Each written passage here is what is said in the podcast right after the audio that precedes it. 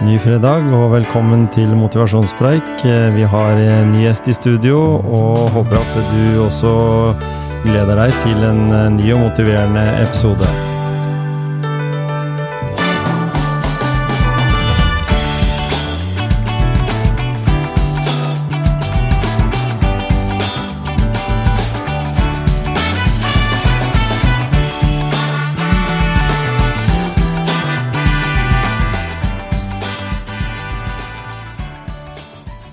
Ja, ja, da har jeg tatt turen eh, til Drammen.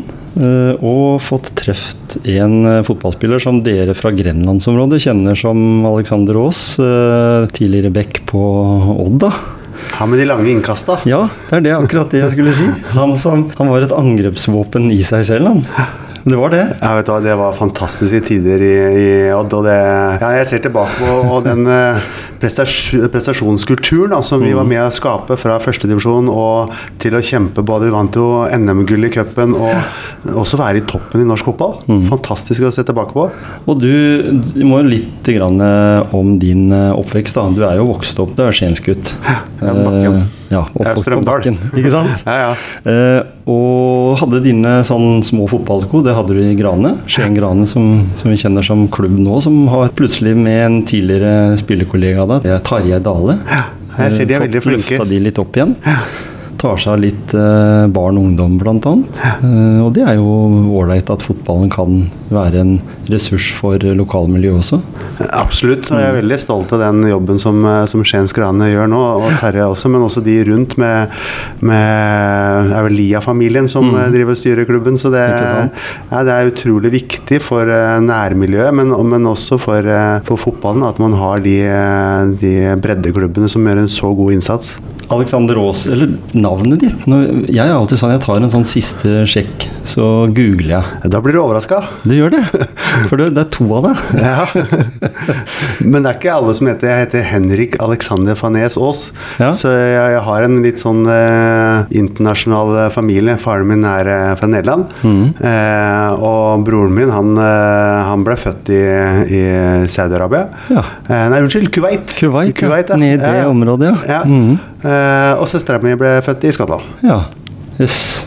Spennende. Og du, du ble født i Porsgrunn. Porsgrunn. Ja, da var det fødeavdeling i Porsgrunn. Alle i Porsgrunn. Ja, ja.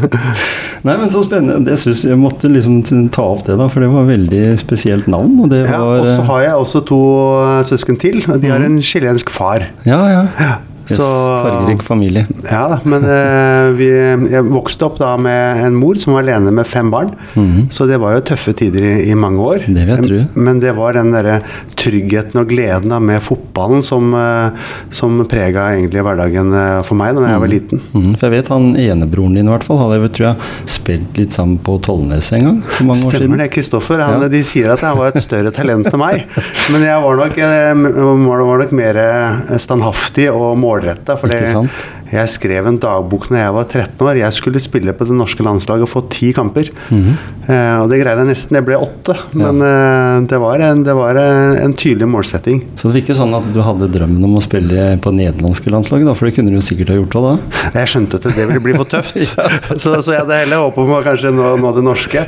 Så jeg hadde også en drøm om å spille på Manchester United, men det, det ble det ikke. Men det ble noen fantastiske fine år i, i Odd, og Mm. to år i Danmark og, og en seks år i, her i Drammen, da, i Strømsgodset. For så hadde du kapteinspinnet ganske så safe eh, her i, i Drammen. Ja, og det, det, det er en ære, det. Mm. Ja. Eh, og målet er at man hele tida skal være en forlenga erm av treneren. Mm. Eh, og det å få med deg resten av gruppa.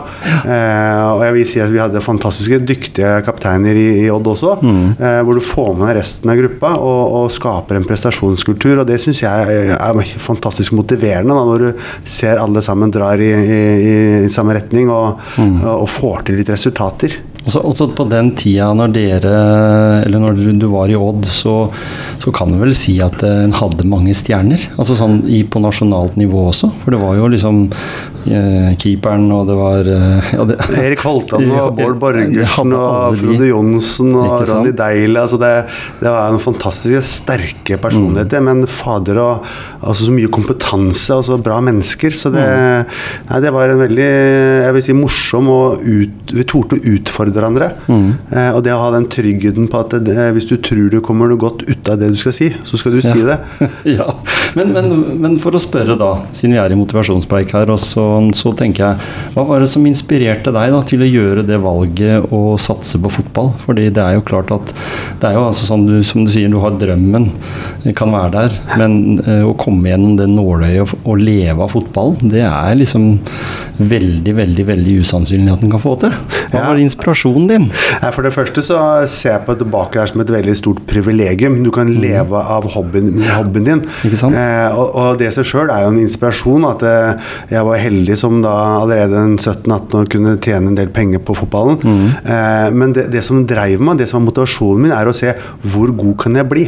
Ja. Eh, og det er liksom hver dag så hadde jeg lyst til å bli litt bedre. Mm. Eh, ok, men kanskje du klarte klarte å, å hedde ballen eh, unna én gang mer da, på en trening. Mm. Eh, du klarte egentlig å holde nullen på en fotballtrening, eh, og du gjorde det i kamp. Mm. Du ser det at resultatene fra trening det kommer i kamp. Ja. Så det var hele tida å sette seg de små målsettingene, altså nå de. Mm, og, og når du da tenker, Du nevnte jo sjøl også dette med de, han med de lange innkastene. Hvor langt har du kasta? Har du målt det noen gang? Ja, vi målte det. Det var faktisk, Jeg tror det var en journalist fra Thea. Mm. Hvor vi var nede på Da var jeg, hadde siviltjeneste nede på, nede for sykehuset, Telemark sentralsykehus. Så målte vi det da på en sånn slette der. Ikke si slette, da, for det var fotballbanen vår. Var det det? Ja, Hvis det var den eh, lille løkka som Ja, nei, var nei, nedafor nei, eh, det, her var, det her var nede på avdeling tre eller noe, på sånn langtidspasienter. der. hvor det var, det var en slette, det var ikke noe fotballbane. Nei, Det nei. hjemme så er det fin fotballbane. Ah, Nå ble jeg, nå ble jeg rolig. ja, men faktisk nå så er det koronaparkering der, da. Ja, det Den ble jo, ble jo ødelagt, den banen Ja. etter det. Men, men ja, kom det ble målt til 43 meter. Såpass. Ja. Mm. Så det, det er jo godt over eh, Hvis du hiver fra sidelinja, så hiver du over på bakre stolpe. Og Det Og så var det ikke bare det at du kasta ikke sånn i bue, en slakt, og den kom fram til slutt. Den, den var hard òg. Så det var jo liksom veldig presisjon, og så var det rett. Den gikk liksom i ikke noe rett på panna til Bård Ja. Børgersen og i mål. Eller Frode. Ja, ikke sant? Frode pleide å komme på første stolpe, men mm. nei, da, vi hadde dyktige hodespillere også, så det var en kombinasjon at jeg hadde ekstreme lange innkast, og så hadde vi dyktige dødballspillere på, på laget. Men du ble, når du kom hit til Drammen Strømsgodset, da ble du litt mer inn i midten. Ja, Det det ble midtstopper. midtstopper. Ja, Mm. Men uh, de innkasta, de, de tærte på. Så allerede i 2000, var det vel, så måtte jeg operere skuldra første gang. Og da måtte de stramme leddbåndet, og da ble det litt kortere. Ja. og i 2004 så fikk jeg skulder til ledd på trening uh, i jobb, Mm, og, og uh, ble ikke bra. Så jeg fikk jo skulder til ledd åtte ganger i løpet av ett år. Og Mm. så flytta jeg til Danmark og måtte operere på nytt, og etter det så har jeg nesten ikke kasta noe innkast. Nei, ikke sant? Så da var, det, var, det var derfor det forsvant i, i, i Drammen, ja. Ja, Det var ikke det at treneren ville ha deg til andre oppgaver. Det var Nei, det, det, jeg ble nok eh, litt tregere også jo eldre jeg ble, og hun passa bedre inn i midten. Men eh, jeg stortrives også som, eh, som midtstopper. Ikke sant? Nei, det er en fin plass å spille på det. Men jeg nevnte da dette her med inspirasjon. da, så Det var liksom sjøl- sjølve oppveksten som var en god inspirasjonskilde til deg. Dette med målet å bli en eh, profesjonell fotballspiller, altså leve av hobbyen din. Ja, absolutt. Men det, altså, når, du er, når du spiller fotball, det er sammen med andre. Det er den gleden. Eh, og når du da kan vinne noe, oppnå noe sammen med andre, så, så eh, må jeg si det er utrolig motiverende. Ikke sant? Og så er det det der, eh, samholdet da, i mange idretter, men kanskje også spesielt i fotball. Altså det, det samholdet hvor du har altså en, en god treningskultur og møter altså, beste kompisene dine på trening. Altså det Samholdet har også vært en sånn ekstra motivasjon. Mhm. Men når, når vi tenker da, du er jo 78-modell. Mhm. eh, hvilken sånn for forbilder hadde du innen, innen fotballen? Hadde, kan jeg spørre om det? Hadde du noen forbilder? Ja, jeg, jeg tør ikke si det, tror jeg. Nei, ja, det Forbildene mine var jeg husker jeg var Paul Gascoigne og Erik Cantona. Okay, ja, ja. Så de var ikke de beste forbildene utafor fotballen. Nei. Men det var det at de var så uh, smarte og gjorde ting Mm. litt sånn uh, det ekstraordinære innenfor fotballen. Det er lov, vet du. For den, det var det jeg tenkte jeg ville fram til, for de var jo kanskje litt sånn kontroversielle utenfor banen. Så Ja, men der må jeg si sånn som Martin Ødegaard syns jeg er en fantastisk ambassadør da, for norsk fotball. Eh, med de gode holdningene han har. Så, men da jeg var eh, liten, så ble jeg inspirert av de som gjorde litt eh, ekstra på banen. ja. Eh, For å spørre da, eh, hva er det et, et øyeblikk du kan nevne som har motivert deg mest her i så langt i livet, da?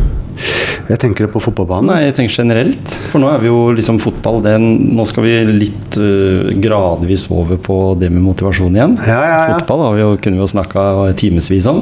Men jeg uh, tenker på sånn Du har jo gjort en del ting og utfordra deg sjøl. hva er det som på en måte har vært den store motivasjonen og drivkraften din utenom fotballen? Jeg, jeg tror det å kunne glede andre.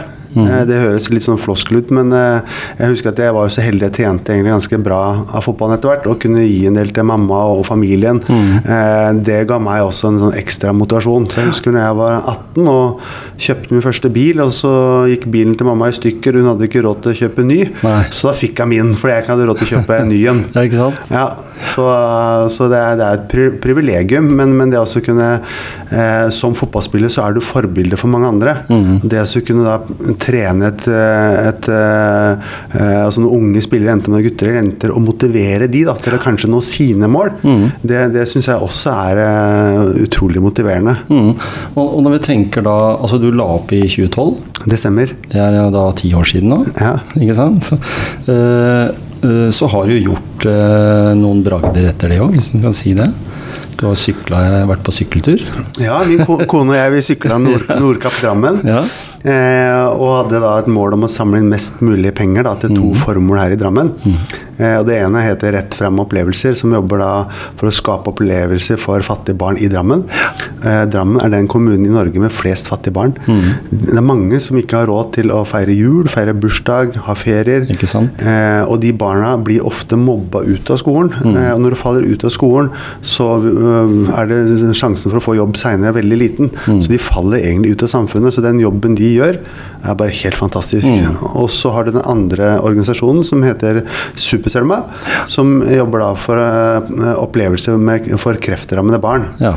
Uh, Der var det en som uh, fikk en datter som fikk kreft, og begynte da å samle inn flasker for å ha råd til bl.a. Ikke etter hvert. Så, så, så ville de gi andre den hjelpen med, i form av informasjon og aktiviteter. og Nei, det, det var utrolig inspirerende å kunne samle inn penger, og vi fikk faktisk inn 300 000. ja, det er enormt. Og det var, det var Jeg skrev det opp her, for det måtte gjøre 2362 km på Ja. sykkel. Det er eh, fantastisk det å utfordre seg sjøl. Og eh, kona mi hun var jo litt, litt eh, skeptisk, litt bekymra, men vet du hva? Vi klarer mer enn det vi tror noen ganger. Det gikk ganske fort. Det Ja. var nede på under 14 dager. Nei, det var nok med, med alle dagene. De siste, dag, siste to dagene var litt rolige, men da var det totalt 17 dager. 17 dager var det. Ja. Mm. Så det var nesten i snitt eh, nesten 15 mil om dagen. Mm. Og det smitta det litt, da? For du sykler jo litt nå òg? Ja da. Jeg syns det var utrolig givende. Og det, det som eh, motiverte meg mest, Mm. det var at man kunne gjøre noe forskjell for andre. Eh, og så samtidig så får du en opplevelse med å sykle steder som kanskje du aldri vil se ellers. Mm. Så i fjor så sykla jeg Nei, unnskyld, i år var det. Mm. Ja, I år så sykla jeg da eh, Oslo-Nis, som er omtrent samme avstand som Nordkapp-Drammen. Mm. Eh, da sykla jeg aleine. Eh, kona mi ville ha litt ferie i år. Ja. Eh, men eh, men eh, det som skjedde, var at jeg var faktisk i Skien i mai. ja. Og skulle forberede meg da eh, til denne sykkelturen med bl.a. en fotballturnering. Ja, det hørte jeg rykter om. Ja, og det gikk ikke så bra. Jeg var med deg sjøl, jeg hørte det. Du var vel en av de som ble henta en sånn type med blålys på taket? Det stemmer. Sånn ca. ti minutter inn i første kamp. Så jeg varma opp i en halvtime, spilte ti minutter, så røyk akilles. Ja. Det var, det var vondt. Mm, det er vondt. Så, og, det er, og det er litt sånn tid, du må begynne å planlegge litt da, fordi det, du blir jo satt ut litt. Ja, og jeg tenkte at det er egentlig bare å akseptere at nå, nå røyk den sykkelturen. Mm. Det sa legen, du har ikke sjans, det er, liksom, det er seks uker til du skal egentlig sykle. Eller Ja. fem uker. Så, men så grodde jo akillesen ganske fort, da. Så etter en tre-fire uker så begynte den å få bra feste, så, så jeg, i hodet mitt så tenkte jeg ok, men kanskje det er mulighet for å sykle likevel. Mm. Så jeg var såpass gæren at jeg sykla tok en sånn testtur Oslo, Drammen, Oslo med sånn ortose, hvor jeg da eh, skrur på den sykkelpedalen under og klikker den på. Og så testa jeg. Og så tenkte jeg at det her gikk jo som bare det. Ja. Og da bestemte jeg for at jeg skal sykle Oslo-NIS og få samla inn penger til eh, disse to formåla. Så bra. Det er jo en kjempe Og tenk hvor mange du da på en måte har vært en inspirasjonskilde for i forhold til det, både av foreldre og, og barn og ungdom som, som, som trenger litt ekstra hjelp. Spesielt i disse tider òg. Ja, absolutt. Mm. Den er jo litt todelt, da. For det sånn eh, medisinsk så var det kanskje ikke så veldig Det er ikke å anbefale. Ja, men, men jeg hørte rykter om at det, det ble siste polycup for deg. Det stemmer. Ja, Fotball det er liksom ikke pri ennå. Nei, vet du hva. Jeg, går så glipp av så mye annet som jeg setter pris på. Ikke sant? At jeg, bare må- akseptere at mm. fotball det tåler ikke kroppen min lenger. Nei, ikke sant? Men allikevel, som du sier det med sykkel, du spinner litt på sats. Det stemmer. En gang i uka så har jeg en sånn fast time. Mm. Eh, Jeg er blitt så glad i den, for der møter du mange av de samme menneskene som kommer på timen og Mm. eh, skal bli motivert av å ha masse ålreit musikk, og så kjører vi intervaller. og Ja. Det er en veldig god trening, og så er det en god investering i egen helse. Mm. Det å kanskje én gang i uka i hvert fall ha intervaller, uansett uh, hvor unge eller gamle vi er, Mm. det er bra for hjertet, og det er også bra for forbrenning og bra for hodet. Ikke sant? Og har det blitt sånn, i hvert fall så har det vært blitt det for meg, da, uh, at en, når fotballen på en måte ikke er så viktig, så blir du en individualist altså i forhold til at en trener mer Altså jeg vil kanskje si at hadde jeg visst at det gikk an å trene andre måter enn bare fotballtrening, Ja. så kunne jeg kanskje vært en bedre fotballspiller, for det er mer allsidighet. Sykkel f.eks. Ski. Det er mange, mange ting en kan gjøre og få veldig gode treningsutbytter. Absolutt. Og det som er bra også med sykkel, er at det er mindre belastning for, for knær. Og Mhm. jeg som sleit veldig med knær etter hvert, så har det vært veldig godt å variere litt. Og eh, nei, sykling syns jeg er utrolig motiverende. Mhm. Når du da er kaptein på et fotballag, og du tar utdanning og gjør den jobben, så eh, er du på søken etter eh, lederjobber, og du har en lederjobb her vi er nå. Det er eh, innenfor en annen bransje enn fotball eller idrett, eh, egentlig. Ja, det, det var et tydelig mål når jeg spilte fotball, at jeg skal etter fotballen Den kan slutte når jeg er 24, eller den kan slutte når jeg er 34. Men da har jeg lyst til å ha en jobb som jeg trives med. Og jeg fant, øh, fant jo ut etter hvert at jeg har lyst til å jobbe og ha en lederstilling. Eh, og, og det å være daglig leder for et selskap, det hadde jeg veldig lyst til.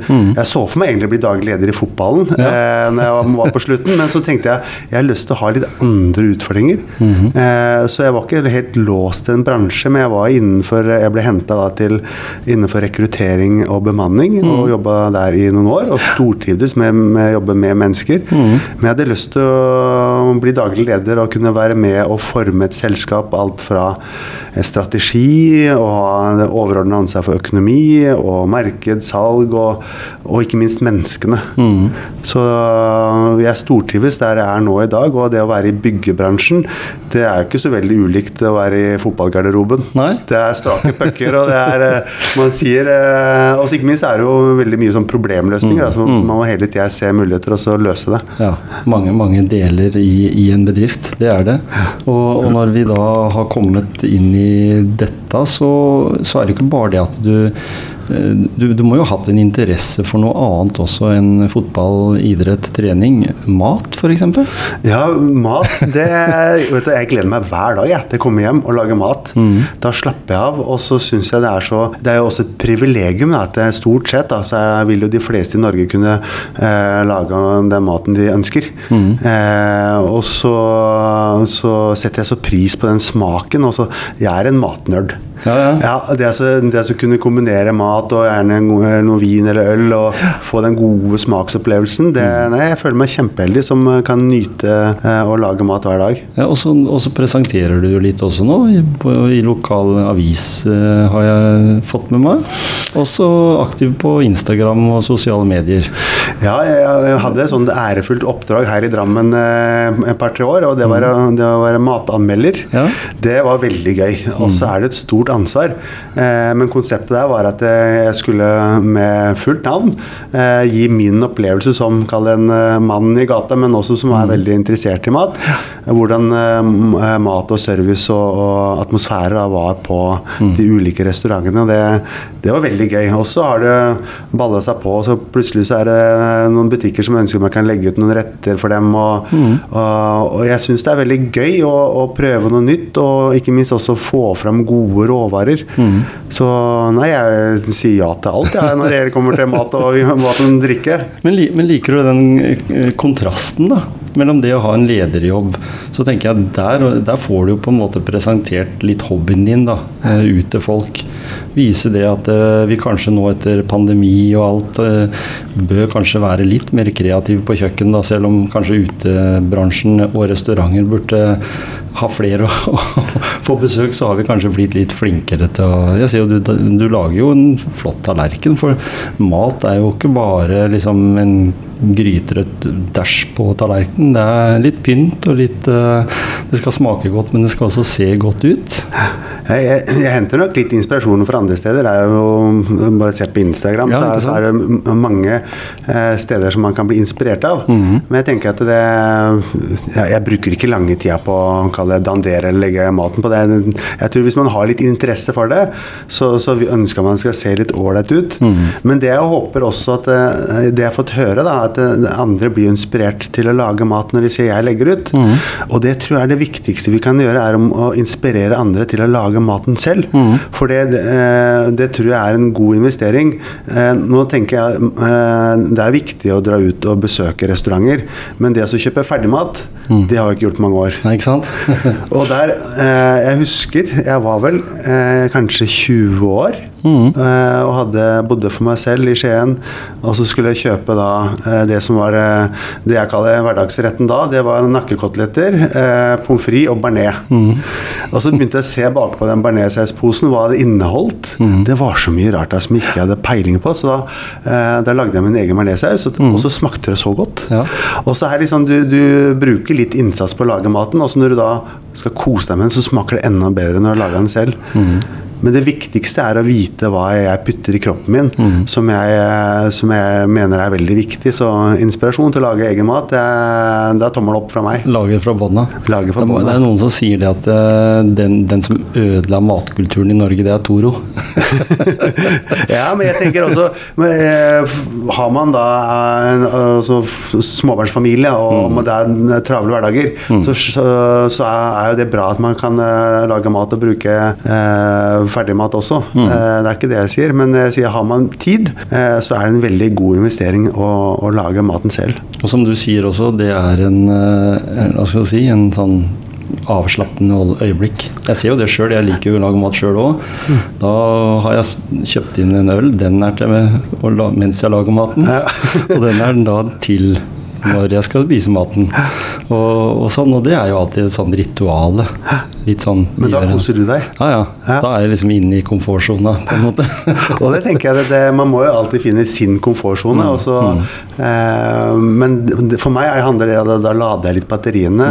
og Jeg kanskje slapper av, reflekterer litt gjennom dagen. Eller kanskje det er ting som jeg må gjøre eh, på jobb i morgendagen. eh, morgendagen. Så jeg får liksom eh, får hodet over vann, og så og sett litt sånn fugleperspektiv ned på, på hverdagen.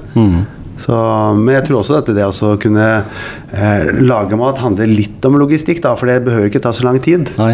Planlegging, så får du tid til eh, Det jeg noen ganger gjør, er å komme hjem, Mm. og så kan jeg godt sette skjære opp en hel kylling i eh, masse biter, hive masse grønnsaker oppi, eh, masse kraft, og la den bare brasere i ovnen i et par timer. Så drar jeg trener, jobber litt. Eh, så i prinsippet så har jeg egentlig bare brukt kanskje et kvarter. Mm. Det, og det er jo egentlig litt sånn eh, lurt, fordi langtidssteking er jo utrolig godt. I hvert fall til det meste kjøtt og kylling og, og alt.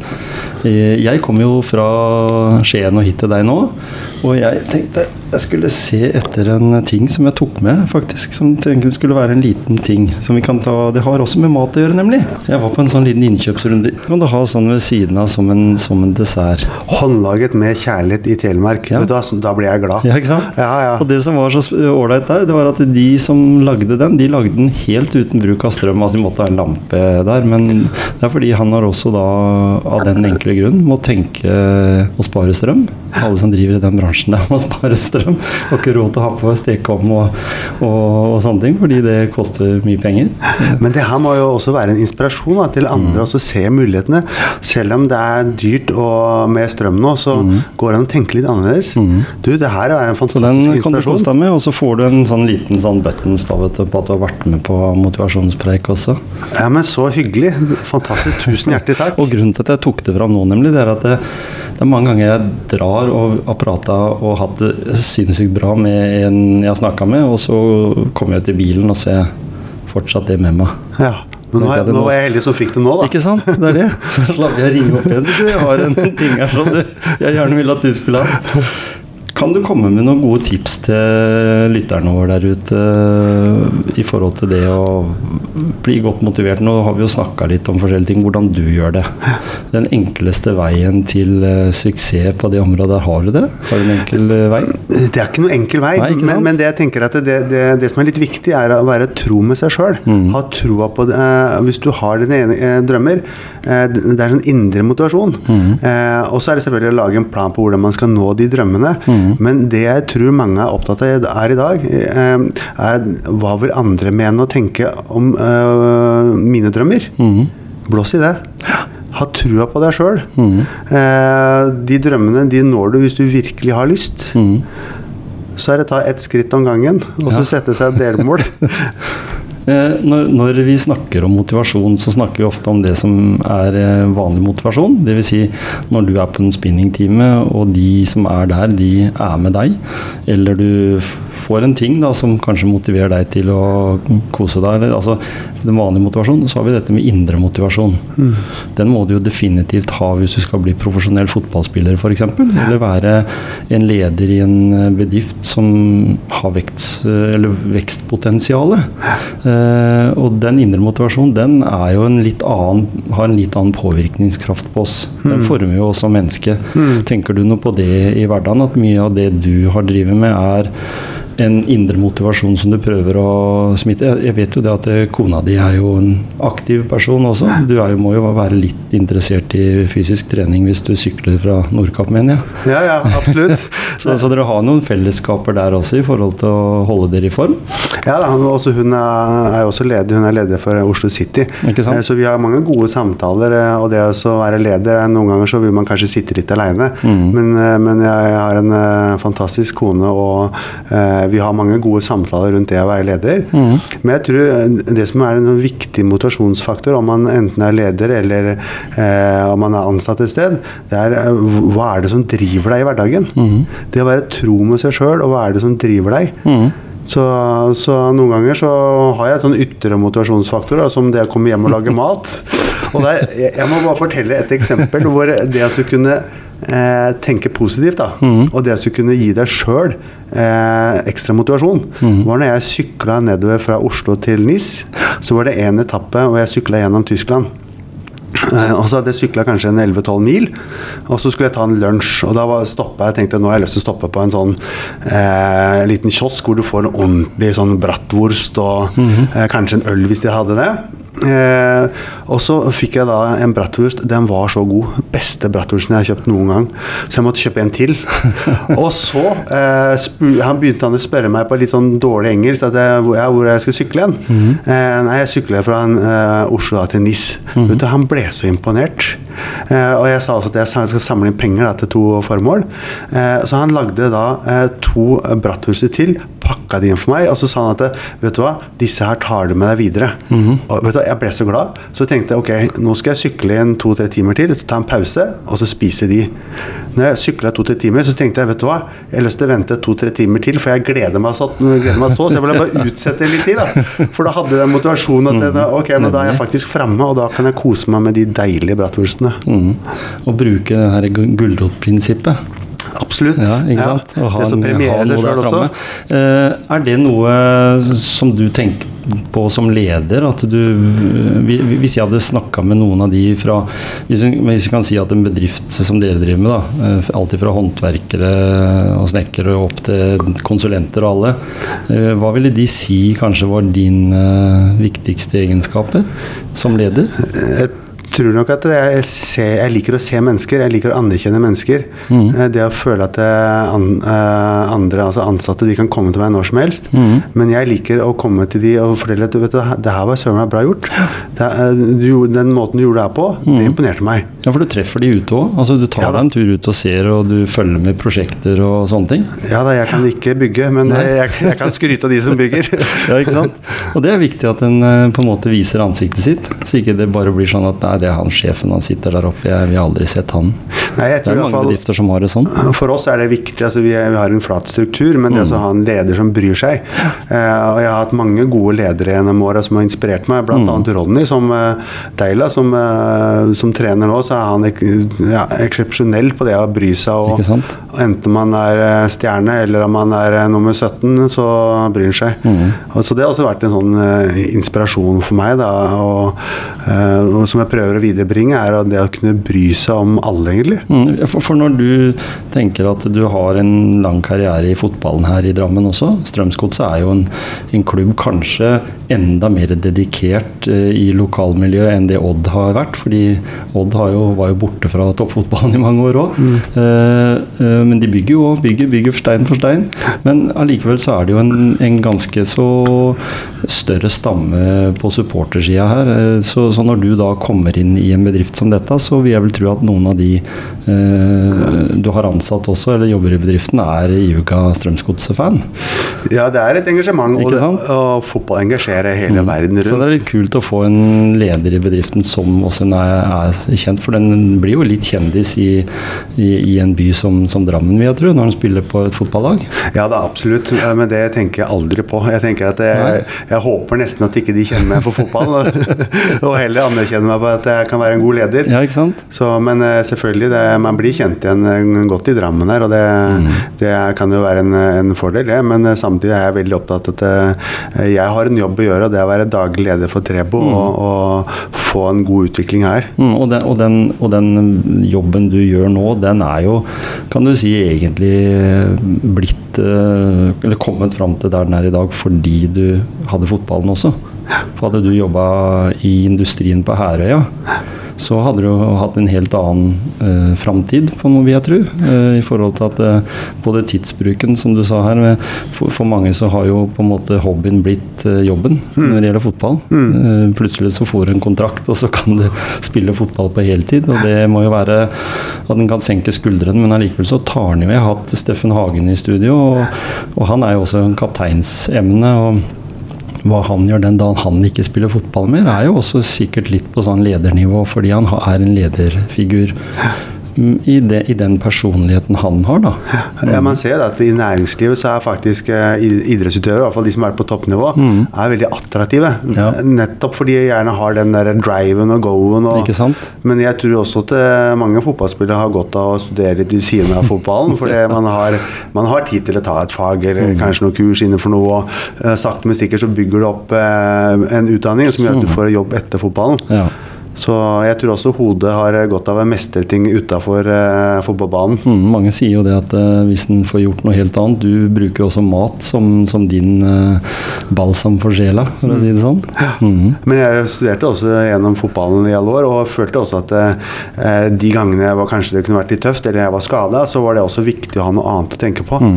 Så eh, nei, jeg, jeg heier på de som studerer, jeg er ved siden av toppidrett. Kommer Alexander til å stå på sidelinja i noe, som noen fotballtrener en gang i sin framtid? Ikke som fotballtrener. Nei. men jeg er daglig leder i en, en uh, eliteserieklubb eller noe, det, det kunne jeg godt tenkt meg. Mm. Så, men akkurat nå så trives jeg veldig godt her i, i Trebo. Men det er det med jeg liker eh, litt den kompleksiteten da, med å være daglig leder kontra trener. Mm. Jeg har tatt noen trenerkurs, og jeg syns det er veldig gøy å trene barn og unge. Motivere de til kanskje nå drømmene sine. Mm. Men hvis jeg skal begynne å fortelle en voksen mann på 5-26 at du skal ikke komme fem minutter for seint, det gidder jeg ikke. Mhm. Nei, ikke sant? det hørtes ut som en grei strategi. Ja, nei, jeg syns det er gøy også med, med økonomi i tall. Mm. Eh, så det å kunne jobbe med budsjetter og regnskap og ja, det syns jeg er kjempegøy. Det, den, den får du ikke da som trener. Nei, ikke sant? Du er fortsatt en ung mann i forhold til akkurat hva han har lyst til å gjøre i, i, i framtida. Og det er mange bra fotballklubber der ute. Og den beste for deg er vel kanskje den som er et steinkast unna her vi sitter nå? Ja, det var det. da. Nå er, nå er både i, i Skien og i Drammen så er det dyktige dagledere, så det, ja, og det er ikke aktuelt nå. Men Nei. i framtida så tror jeg det kunne vært veldig spennende. Mm. For jeg har jo den ballasten fra næringslivet og, og den erfaringen fra fotballen sjøl. Mm. Og man, man veit jo at det fotball engasjerer. Mm. Og det som kunne, kunne vært med og at uh, seg i en fotballklubb og fått Mm. med seg nærmiljøet alle sponsorene og, og, og øh, de supporterne og, tilskuere. Det er, en- der man har en enorm makt og påvirkningskraft. En, også en enorm, eh, et enormt ansvar. Ja. Fordi vi snakker jo om, som du sier, dette her med å få på plass en økonomi. Det er, det er dyrt å drive fotballag. I hvert fall hvis en ikke på en måte har alle elementene på plass. Ja. Bruker for mye penger på lønninger, så, så tærer det på, på tålmodigheten i styret, vil jeg tro. Og så merker du at det får Men det er der fotballen og lederne i fotballen må være veldig tydelige. Fordi du har en skuff hvor penger går inn, og så er det en skuff hvor penger går ut. Ja, ikke sant? Ja, og den første skuffen må alltid være større enn den under. Så det, det tok jeg faktisk konsekvensen av sjøl i, i 2009 her i, i Drammen, hvor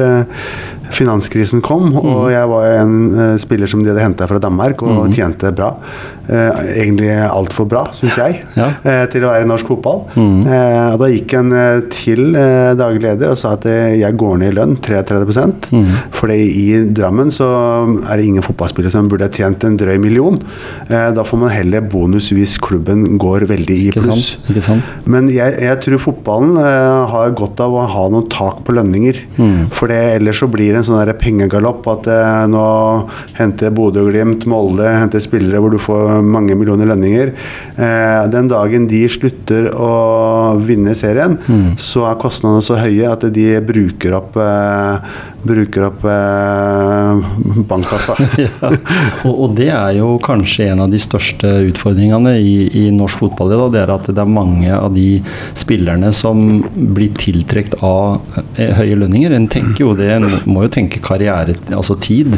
Eh, og du har spilt med mange spillere du som på en måte det kunne blitt mer fotballspillere av hvis de hadde vært litt mer tålmodige enn at de blir utålmodige og kan tjene bra penger der ute. Eh, hva tror du om det? At den, den motivasjonen de har etter penger, er det fordi en ser for seg en kort fotballkarriere og ikke har noe å falle tilbake på? Den dagen er? Litt sånn generelt eh, i samfunnet så tror jeg dette, det jaget etter eh, å se bra ut og være vellykka og ha penger, det, det Men det er ikke en motivasjonsfaktor. Det er en sånn kortvarig greie.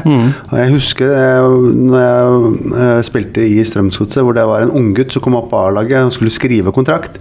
Så spurte jeg ja, blir du fornøyd. Ja, nå har jeg råd til å kjøpe den kule bilen. Så spurte jeg er det motivasjonsfaktoren din. Ja. Så sa jeg at men, men da kommer ikke du til å være her lenger, sa jeg. For det, eh, målet ditt må være å, å bli fast på A-laget. Eh, og, og bidra til at eh, A-laget da kanskje vinner serien. Ikke sant? Så, men han ble ikke der lenge. Han, Og der er du inne på det der med ytre og indre motivasjon, egentlig. Altså den ytre motivasjonen, den bilen eller den eh, kontrakten, høye lønna. Eh, som for så vidt kanskje ikke var så høy, for det er en del andre goder en har som fotballspiller. Da, at en bruker mindre penger så lenge en er på jobb.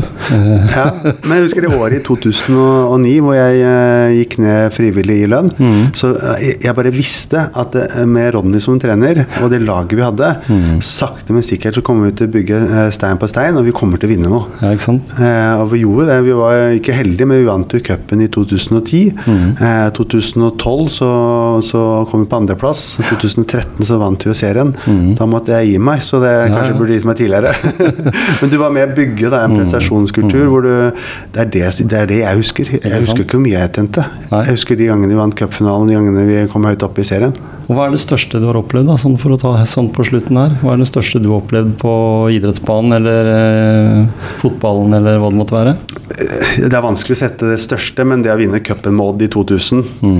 eh, Erik Pedersen løper rundt i tanga-trusa. og nei, Det var en fantastisk kamp hvor vi da lå under 1-0 og vinner 2-1 mot Viking. Mm. Og så var det stort å vinne cupen i 2010 med Strømsgodset, hvor jeg var kaptein. Mm. Det var jo da ikke en så spennende kamp mot Follo, men eh, det var to høyde høydepunkter. Men så, så var det stort når vi spilte Europacupen mot Atletico Madrid her i 2011 i Drammen. Mm. Spilte mot Diego Forlan, som ble kåra til verdens beste spiller året før. Ikke sant? Skårte ikke mål, han. så det, det var, eh, da fikk du virkelig målt mm. nivået. Og det, det, er mange gode opplevelser, men det er vel noen som stikker seg litt ut. Ja, det, men, og det er gode minner du vil ta med deg resten av livet, det? Jeg tror. Det er det jeg husker best for fotballen, er opplevelsene. Ikke sant? Så det, og ikke minst også det, de menneskene man møter. I Odd så er det fantastiske miljøet der mm. Eh, med sterke personligheter. og nei, Det var utrolig mye morsomt i, i Skien, og så har det vært utrolig mye fint i, i Drammen. Og så hadde jeg to år i Danmark hvor det også var eh, ja, Det er menneskene man husker, og så mm. er det jo de opplevelsene. Og, og, det at Odd vant cupen i 2000, de har vel ikke vunnet cupen etter det? Så nei, det var liksom det var Det har vært noen cupfinaler. Det har prøvd nesten, nesten, nesten, ja. men det har liksom ikke gått. Så vi får jo håpe at det både for Strøm Strømsgodset og for Odd sin del at de klatrer over på den beste halvdelen av, av serien, eh, tabellen. Også, for det har vært litt sånn eh, opp og ned for Strømsgodset i år òg. Absolutt, og det mm. jeg tror Odd gjør riktig. altså Det å kunne eh, få frem egne talenter. Mm. Eh, og så er utfordringen er å kunne bevare de sånn at du får resultater og kan mm. være og kjempe om de fire-fem øverste plassene. Mm. For det, det, det, jeg ser at Odd de får frem talenter, og så selger de, litt sånn pga. dårlig økonomi. Og så, for, for, så får de liksom ikke kommet blant topp fem. Nei, Men de var jo der i mange år. Mm.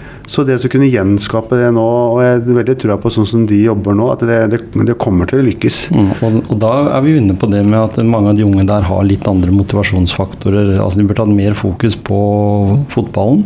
Eh, prestere. Ikke bare gjøre én god, eh, god eh, finte, og så er du ute i Italia eller hvor det måtte være, og så kommer du, med, kommer du litt slukere tilbake til Norge etter hvert fordi, fordi en fant ut at en fikk ikke spilletid. En, ser litt på det at jo mer spilletid, jo mer forankra i spillestallen en blir, jo, jo, større er sjansene for lag å, å vinne. Og så kan en heller da si at enkeltspillere går ut i Europa. Vi kan jo spole tida tilbake til når Rosenborg var på sitt beste, så var det ingen av de som lykka som proffer heller. Eh, fordi de var så samkjørt i det laget. Ja, og det viser også at vi har det veldig godt i Norge. Mm. Og det er veldig bra for utviklingen, at man har en mm. trygghet og, man har lov til å feile. Og, mm. eh, I utlandet så er eh, konkurransen mye tøffere. Eh, gjør du én dårlig trening, så kan det godt hende ut av laget. Ikke sant? Eh, og det er en helt annen konkurransesituasjon hvor kanskje mm. sier man ikke ønsker deg det beste. Mm. I Norge så heier vi jo på hverandre stort sett og spiller hverandre gode. Og, eh, mens det er mye tøffere i utlandet, så jeg tror noe mm. av det er årsaken til at det er mange nordmenn som får det tøft. Men ja. man ser det nå at det er jo mange nå, norske som går ut som gjør det kjempebra. Mm. Med både Haaland og, og Ødegaard. Og, så jeg tror også at det, det, har vært en utvikling i norsk fotball. At det, mm. norske spillere de gjør seg bra nå i, i Europa. Og, når du da nevner de navnene, for det var det jeg tenkte jeg nå på slutten skulle nevne, det er jo uh, utøvere uh, som er si, jordnære, norske gutter og, og jenter, som hevder seg på verdensnivå. Det kan være, til og med være golf, det kan være tennis, fotball og sånne typer friidrett. Idretter som vi på en måte ikke har sånn lange tradisjoner for å være i verdenstoppen på. Eh, er, de, er, det noe i huet på de som du kanskje tenker på når du ser de eller leser om de, at det er noe de har som flere kunne hatt? da? Altså det er, er det noen egenskaper som gjør at de blir så gode? For det første så tror jeg at vi har forutsetninger da, til å kunne drive idrett, eh, for det kan være dyrt for mange. Mm. Men, men vi, er, vi, er, såpass privilegerte at det, det, er ikke, det, det, er ikke noe problem for mange.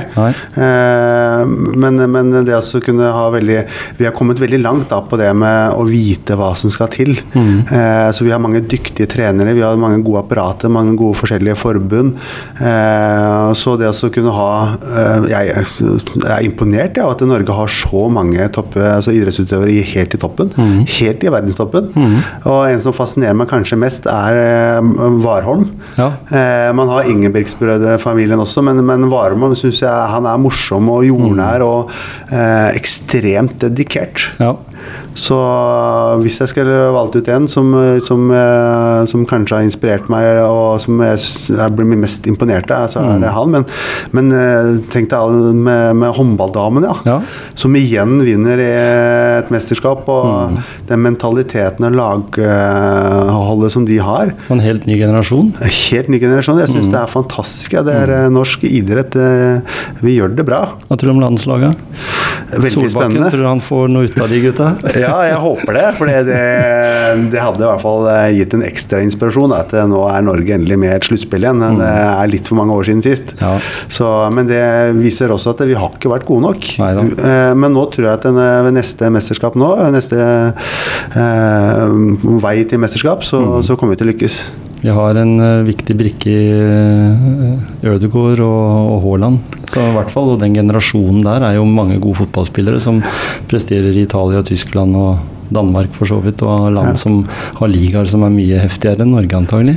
Absolutt, og det, mm. det som vi, vi, også må være litt klare over, altså når vi har to verdensstjerner på det norske landslaget, så har jeg mm. forventning om at nå skal vi jo nesten vinne EM og VM. Ja, ja. Men vi må huske på at det er et lagspill, mm. så du må ha elleve gode spillere og en del innbyttere mm. som har et jevnt godt nivå. og Der har ikke Norge vært. Vi, vi, har hatt kanskje en seks-sju veldig bra spillere, og så har det mangla litt sånn på alle. Men eh, nå begynner vi å eh, få en veldig god stall da, som, mm. som, gjør at Norge kan komme videre til et eh, sluttspill. Det så vi jo sånn som med Danmark. Røyke ut. Det er ikke bare ha noen få stjerner du må ha flere som glitrer på laget for ja, at de skal vinne. Se på Portugal også. Hvis du har en superstjerne som ikke gidder å løpe, så bytter hun ut, og så vinner de. Så vinner de, og Der blir det laget som gjelder, istedenfor bare enkeltpersoner. Ja. Eh, fersk og ferdig selskapsmat, vil jeg si. Eh, kom med en eh, marsipangris, frittgående gris. Tusen takk for at du eh, Alexander Aas, var med i Motivasjonspreik. Håper du kan ha en riktig god jul her i, i Drammen. Takk i like måte. Så satser vi på at uh, både fotballen og, og, bedriften eh, vokser. Ja, vet du hva. Nå gleder jeg meg til å komme hjem, trene og så spise en marsipangris. det er dagens motivasjon. Håndlaget fra, fra Skien og Telemark.